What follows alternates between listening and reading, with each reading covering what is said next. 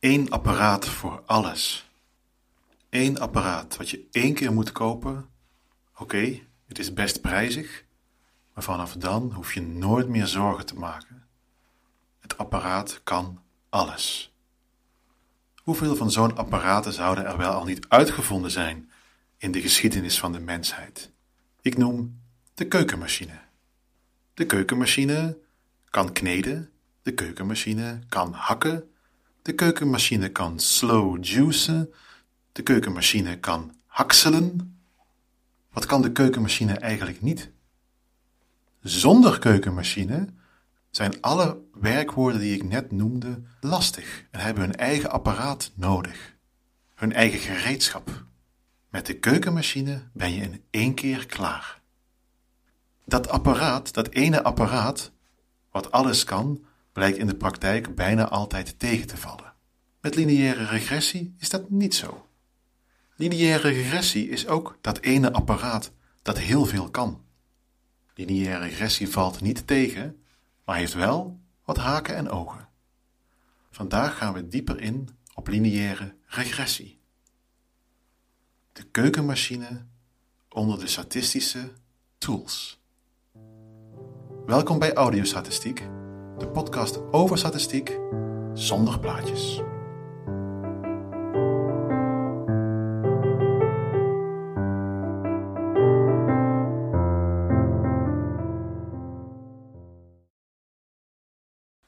We frissen even kort op.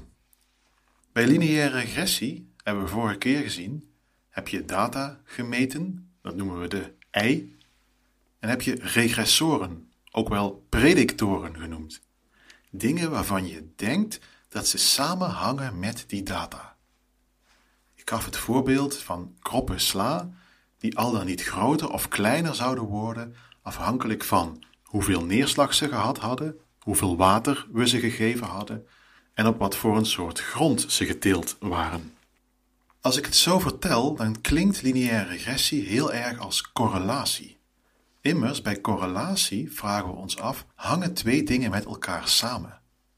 Hangt hoeveel uren ik train voor een hardloopwedstrijd samen met hoe snel ik die hardloopwedstrijd loop? Lineaire regressie is eigenlijk correlatie plus plus.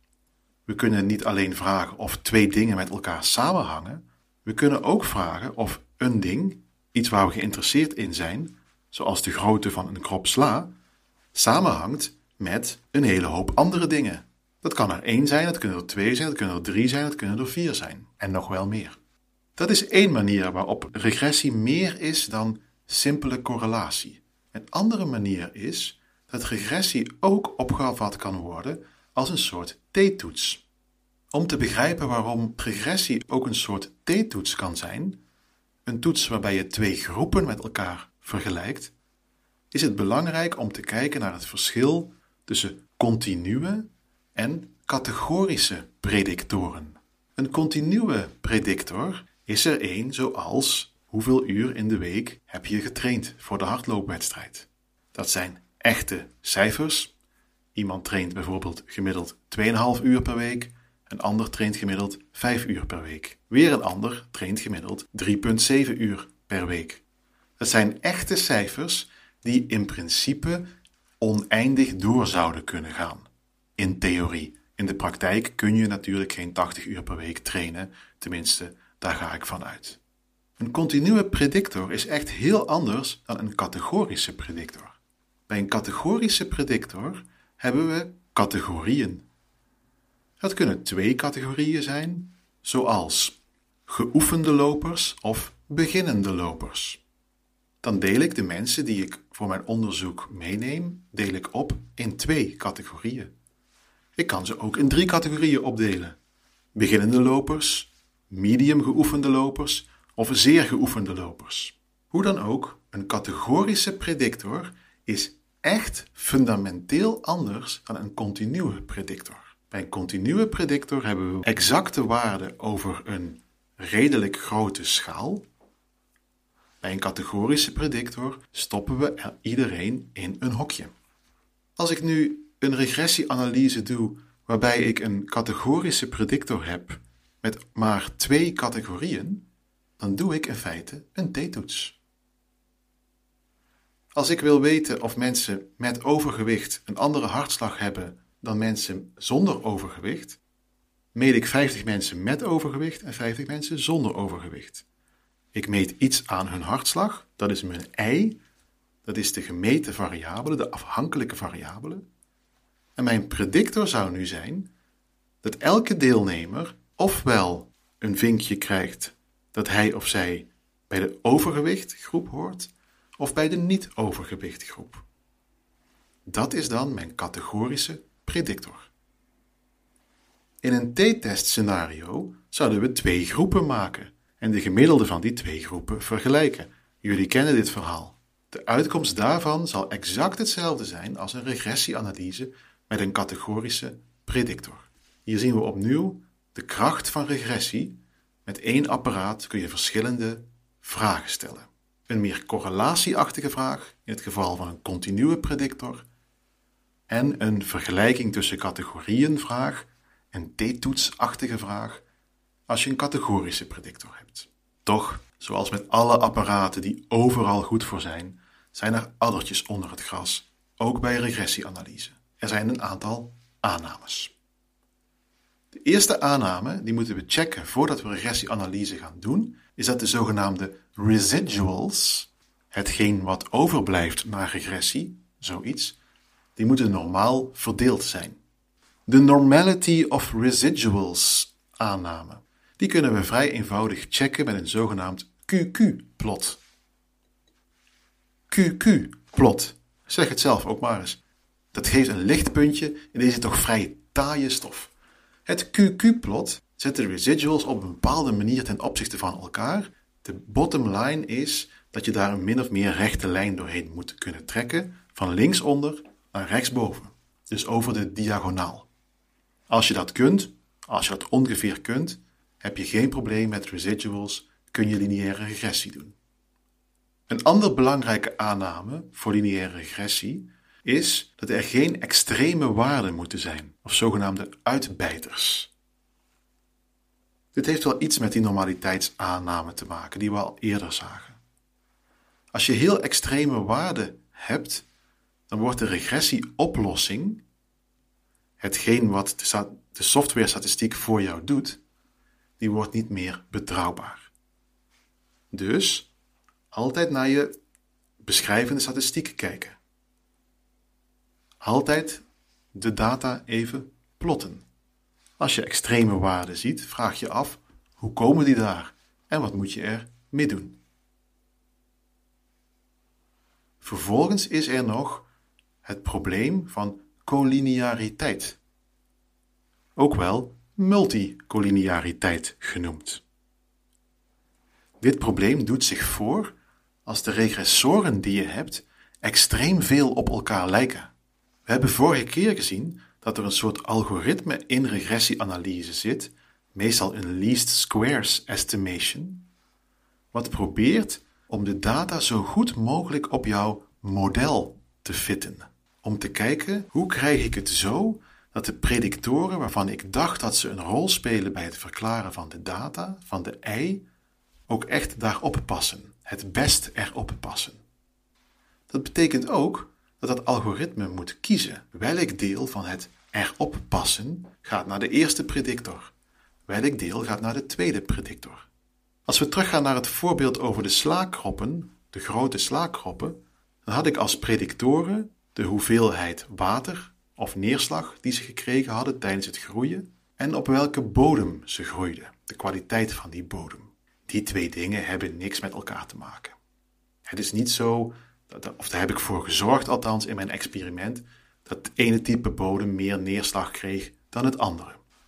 Ik had ook kunnen vragen, wat speelt een rol?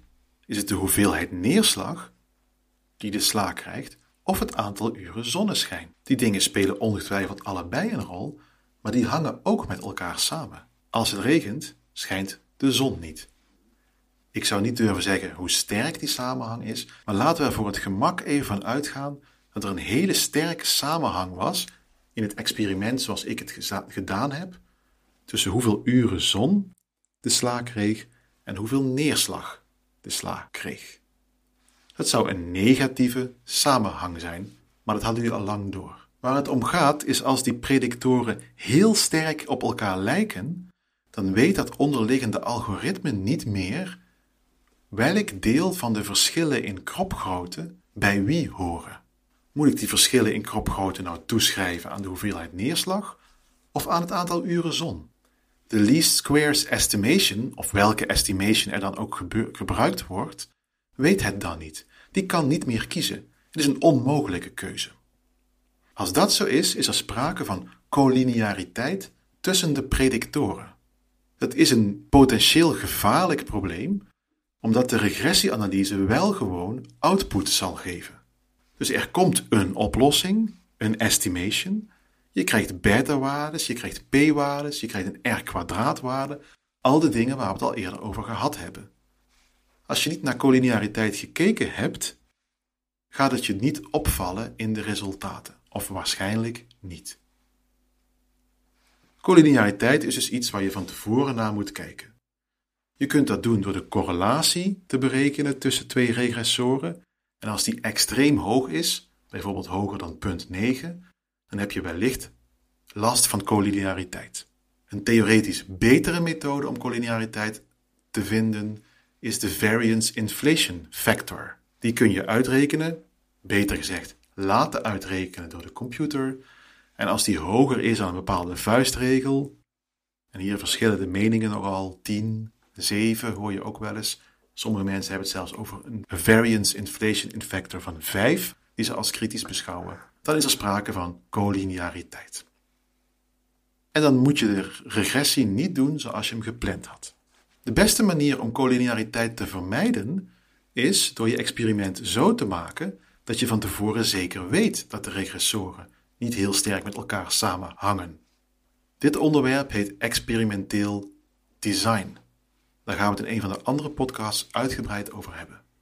Soms kan dat niet en dan heb je dus collineariteit. Als er sprake is van collineariteit, dus extreme samenhang tussen de regressoren, dan moet je niet de regressieanalyse doen zoals je die in gedachten had. Je kunt dan in feite twee dingen doen. Je kunt of die twee regressoren samenvoegen. Ze verschillen toch bijna niet van elkaar, dus waarom zou je ze niet samenvoegen? Of je kunt er eentje uit het regressiemodel weglaten. Allebei kan iets voor te zeggen zijn. Het ligt aan theoretische overwegingen en je verwachtingen. Ten slotte is het zo dat net als bij correlatie, we bij lineaire regressie ook kijken naar lineaire verbanden tussen de data, de ei en de predictor. Grappig genoeg is dit niet de reden waarom lineaire regressie lineaire regressie heet. Sterker nog, het is strikt genomen niet waar. We kunnen namelijk ook naar niet-lineaire verbanden kijken. Hier komt de kracht van regressieanalyse helemaal goed tot zijn recht. Als jij denkt dat een predictor exponentieel samenhangt met je data, met je ei, dan modelleer je de predictor als exponentieel. En dan gaat het onderliggende algoritme vragen: kan ik mijn exponentiële regressor goed fitten op mijn data? Als jij denkt dat er een ander soort relatie is tussen je predictor en je data, dan modelleer je dat. Het begint er toch op te lijken dat regressieanalyse echt het ideale statistische gereedschap is. Misschien is het ook wel zo. Het is in ieder geval een gereedschap wat heel erg veel aan kan. Vandaag hebben we gezien dat je zowel categorische als continue predictoren kunt hebben. Bij categorische predictoren bestaat je predictor uit categorieën, veel, medium, weinig. En bij een continue predictor is je predictor een continue variabele. We hebben ook gezien dat regressie komt met bepaalde aannames. De normality of residuals, dat er geen outliers zijn in de data en dat er geen sprake moet zijn van multicollineariteit of een extreem hoge samenhang tussen de predictoren. Ten slotte zagen we ook dat je niet-lineaire relaties kan modelleren, vooral als je daar op theoretische gronden goede redenen voor hebt. Ha, wat heerlijk zo'n keukenmachine. Waar zouden we zijn zonder keukenmachine? Ik raad jullie allemaal een keukenmachine aan. Volgende keer gaan we nog iets dieper in op regressie en dan kijken we naar wat de coëfficiënten nu precies betekenen en wat het interactie-effect is. Want ja, mensen, ik word er bijna emotioneel over. Maar ook statistische interactie-effecten kunnen we toetsen met regressie. Blijf aan boord van deze avontuurlijke trein, dan zie ik jullie volgende keer.